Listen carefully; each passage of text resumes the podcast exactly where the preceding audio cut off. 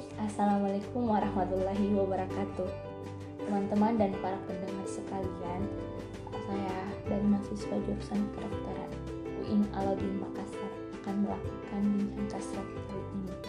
Nah teman-teman Bincang kasrat itu bagaimana dia membahas isu atau masalah-masalah yang sedang hangat diperbincangkan Seperti di dunia maya saat ini masih beredar atau topik tentang coronavirus ya tepatnya. Atau biasa juga dikatakan dengan COVID-19 nah teman-teman paling pasnya kita mengundang seorang ahli seorang dokter di bidang kesehatan. Nah jadi saya sekarang bersama dengan dokter Haji Mas Nini spesialis penyakit dalam. Uh, dia beliau adalah kepala instalasi rawat inap Rumah Sakit Haji Paconga Daengale tepatnya itu di uh, di Kabupaten Takalar dan juga beliau ketua bidang ilmiah Ikatan Dokter Indonesia.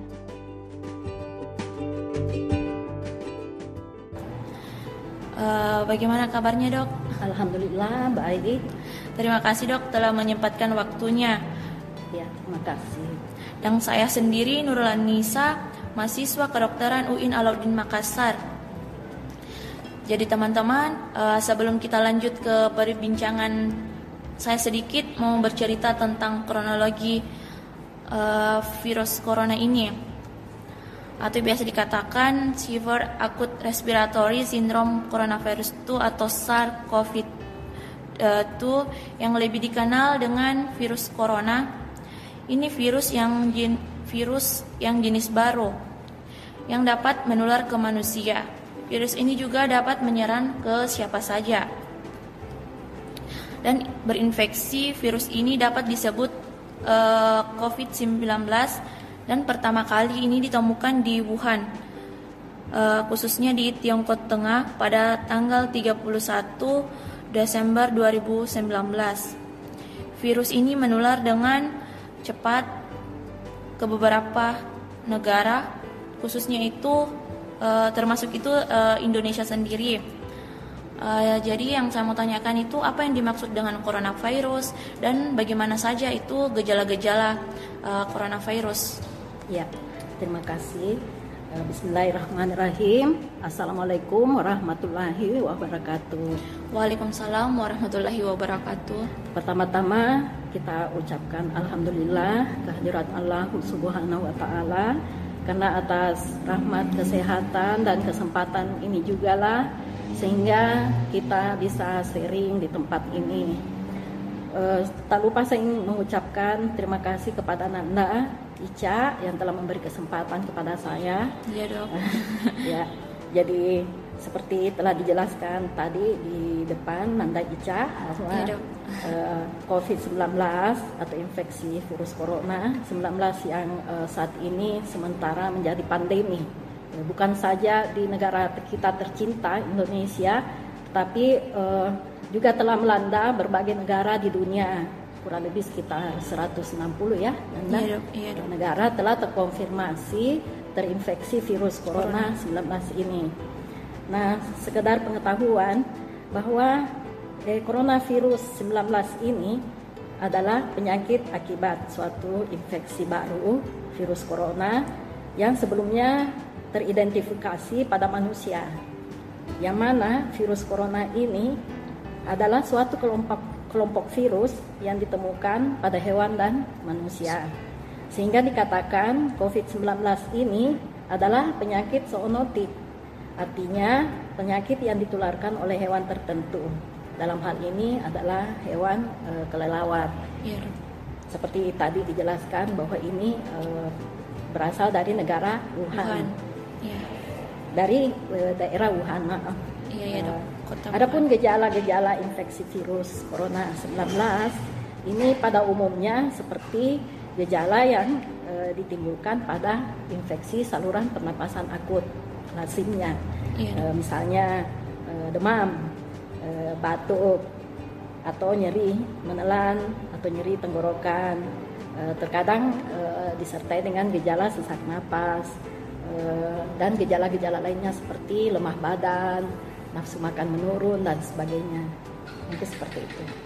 Uh, baik, uh, mungkin dok, uh, yang saya ingin tahu itu bagaimana cara membedakan batuk yang dikatakan uh, virus corona atau batuk yang biasa dok? Ya, uh, kita susah untuk membedakan iya, antara batuk uh, biasa dengan batuk yang disebabkan oleh, oleh virus, virus corona. corona. Yang jelas uh, tentu melalui pemeriksaan serangkaian pemeriksaan uh, karena gejalanya hampir mirip dengan uh, infeksi saluran pernapasan akut pada umumnya. Iya dok. Uh, kemudian bagaimana cara penyebaran coronavirus ini dok? Ya, uh, coronavirus 19 atau kita singkat sebentar COVID saja, iya, COVID-19 ya, iya. Uh, diketahui paling mudah menyebar uh, melalui kontak erat dengan orang yang terinfeksi COVID-19 tentunya. Uh, gejala batuk ataupun bersin dari orang yang terinfeksi COVID-19 ini itu tentu akan mengeluarkan percikan uh, dan jika terlalu dekat dengan uh, orang yang lagi bersin atau terkena uh, batuk akan mungkin akan uh, terjangkit juga dengan penyakit coronavirus ini. Karena uh, dapat melalui saluran napas orang yang berada di dekatnya yang menghirup batuk atau bersin dari orang yang terinfeksi. bahkan disinyalir dapat ditularkan melalui udara e, karena dianggap virus ini dapat bertahan di udara itu sekitar 3 sampai 6 jam. Dan uh, bagaimana uh, dan siapa-siapa saja yang berisiko terhadap uh, penyakit virus ini, Dok? Ya.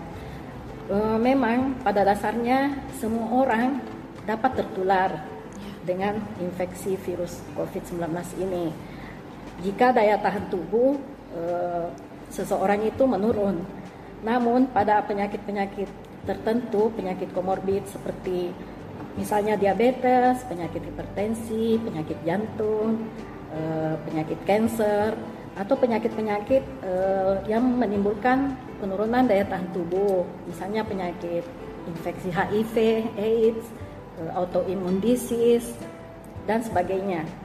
Kemudian ada beberapa kelompok yang rentan untuk beresiko seperti misalnya kelompok usia lanjut atau iya. orang-orang yang uh, di atas 60 tahun.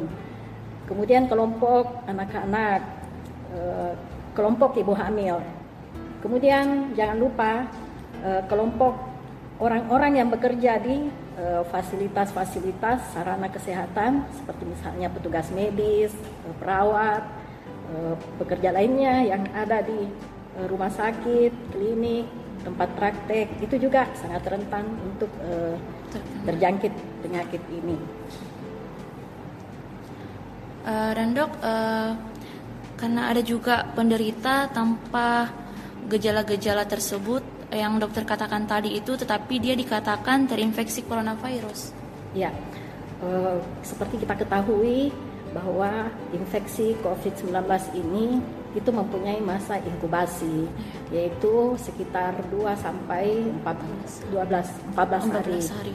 E, di mana masa inkubasi ini adalah masa di mana infeksi telah e, masuk ke dalam tubuh seseorang namun e, belum menimbulkan gejala klinik apa pun. Iya, Nah, ada beberapa orang yang mempunyai daya tahan tubuh yang cukup tinggi. Nah, tentunya orang-orang yang demikian ini meskipun telah terinfeksi dengan virus COVID-19 ini, namun e, belum menimbulkan gejala apa pun karena mereka mempunyai e, kesehat daya tahan tubuh yang cukup tinggi. E, kemudian dok, e, bagaimana cara mengefektifkan dan mencegah penyebaran penyakit virus ini? Ya, salah satu cara yang selama ini dinilai efektif untuk memperkecil angka penularan virus COVID-19 adalah e, dengan cara berdiam diri di rumah dan menghindari bertemu dengan banyak orang. Berkontak Ya, cara ini dianggap sebagai langkah awal pencegahan virus COVID-19. Melalui pemerintah, kita telah menghimbau masyarakat untuk melakukan uh, social distancing dan sebagainya. Eh, dan dok, uh, karena ini virus corona sudah menyebar sampai Indonesia dan pemerintah yeah. juga sudah tetapkan namanya social distancing. Apa ya sih dok yang dimaksud dengan social distancing? Ya, tentunya uh, anak-anakku sekalian sudah sering mendengar, uh, baik itu membaca atau menyimak di uh, media, media sosial. cetak dan elektronik. Social distancing itu adalah uh, menjaga jarak sosial atau pengertiannya menjaga jarak antar manusia. Uh, social distancing merupakan pembatasan sosial atau menjaga jarak sebagai uh, serangkaian tindakan pengendalian infeksi yang dimaksud untuk uh, tentunya menghentikan atau memperlambat penyebaran penyakit menular. Dan bagaimana cara kita uh, melakukan sosial bagaimana cara atau bentuk-bentuk social distancing harus kita lakukan dok? Ya, ada banyak cara yang uh, bisa kita lakukan uh, dengan social distancing ini, uh, di mana kita menghindari tempat-tempat umum atau menghindari pertemuan-pertemuan besar. Jadi sebisa mungkin kita berdiam di rumah dan tetap melakukan kontak sosial dengan bantuan teknologi selama wabah pandemi COVID-19 ini. Uh, yang dapat diusahakan itu adalah uh, bekerja uh, dan belajar di rumah bagi adik-adik siswa dan uh, adik-adik mahasiswa ya. itu dengan belajar online. Ya. Nah, ya, betul. Uh, usaha juga ya usaha yang dapat dilakukan juga adalah uh, dengan tetap uh, menunda uh, pertemuan atau acara yang dihadiri oleh banyak orang seperti seminar menunda rapat atau melakukannya secara online. Ya, kita sering mendengar uh, teleconference, nah, ya, seperti itu. Ya. Uh, dan uh, social distancing juga dapat kita lakukan dengan tidak mengunjungi orang yang sakit, uh, melainkan cukup melalui telepon atau, atau video, video call. call. Ya. Kemudian banyak aktivitas yang dapat dilakukan di rumah, uh, misalnya uh, kita melakukan olahraga, istirahat uh, yang cukup. Kemudian kita bisa mengkonsumsi makanan yang bergizi seimbang dan ya. sehat. Saya rasa mungkin itu. Uh, seberapa penting kata dok uh, kita harus melakukan social distancing ini? Uh, tentu social distancing ini sangat penting dilakukan, bukan cuma oleh satu orang, tetapi uh, sebaiknya dilakukan oleh semua orang atau seluruh warga negara yang ada di satu negara. Hal ini demi mencegah penyebaran penularan virus COVID-19 ini. Karena kita seperti kita ketahui eh, telah banyak eh, kasus COVID-19 ini dilaporkan bahkan eh, sampai menimbulkan korban kematian yang cukup tinggi. Iya, Dok. Jadi uh, sangat penting. Iya. Uh, terus ini dok, uh, apa bedanya social distancing dan uh, lockdown? Karena uh, seperti dua dua kata ini yang tidak tidak samar yang biar eh tidak samar diperdengarkan di dunia maya saat ini. Iya. Uh, social distancing dan lockdown adalah dua istilah yang uh, sering kita dengar akhir-akhir ini. Social distancing adalah pembatasan sosial atau menjaga jarak Sementara lockdown adalah e, suatu tindakan karantina wilayah yaitu penutupan area tertentu untuk mencegah keluar masuknya orang karena keadaan darurat. Dan penutupan ini biasanya dilakukan oleh pihak yang berwenang dalam hal ini oleh kepala negara. Nah, jadi terjadi perbedaan social distancing dengan uh, lockdown adalah pada aktivitas di mana pada social distancing itu lebih diartikan tindakan e, per individu dalam suatu negara. Sementara lockdown adalah suatu kebijakan atau polisi atau regulasi dari e, negara yang e, tidak membebaskan orang untuk keluar masuk ke areanya atau ke negaranya. Namun e, tujuan dari keduanya adalah tetap e, mencegah terjadinya penularan virus corona, virus 19 ini.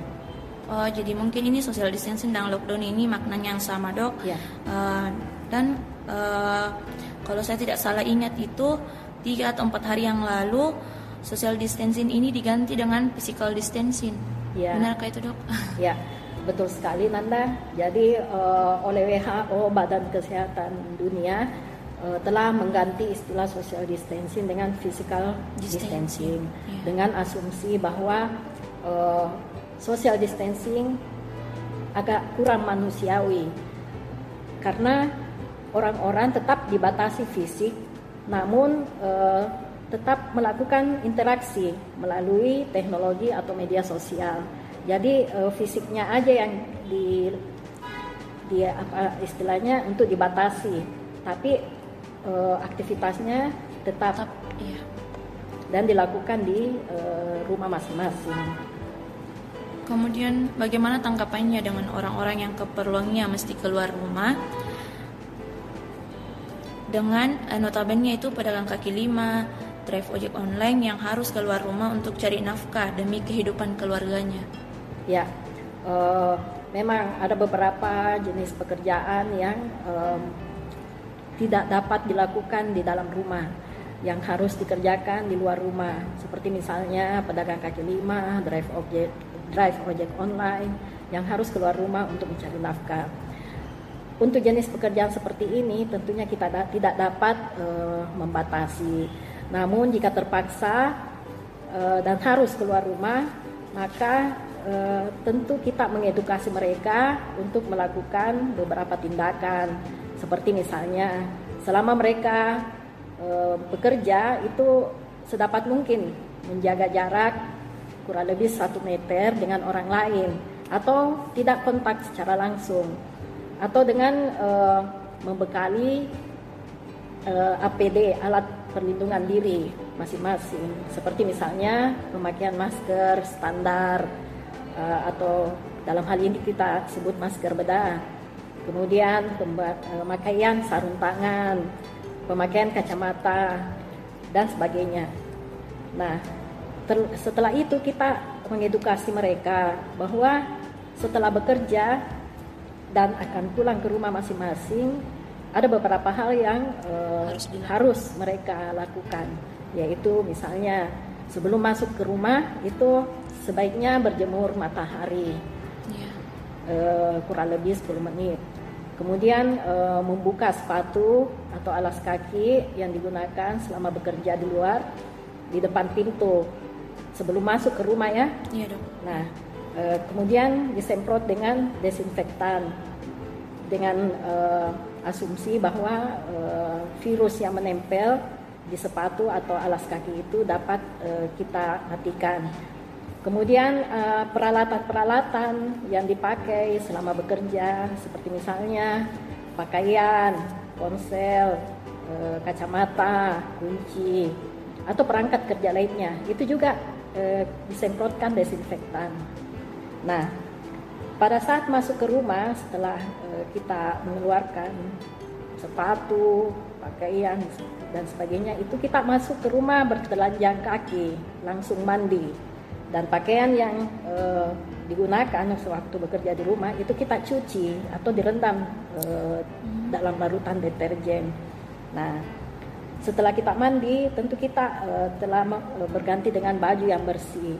Nah, pada saat itulah e, kita siap menyapa keluarga yang ada di rumah. Hmm, Seperti iya. itu. Oh iya iya.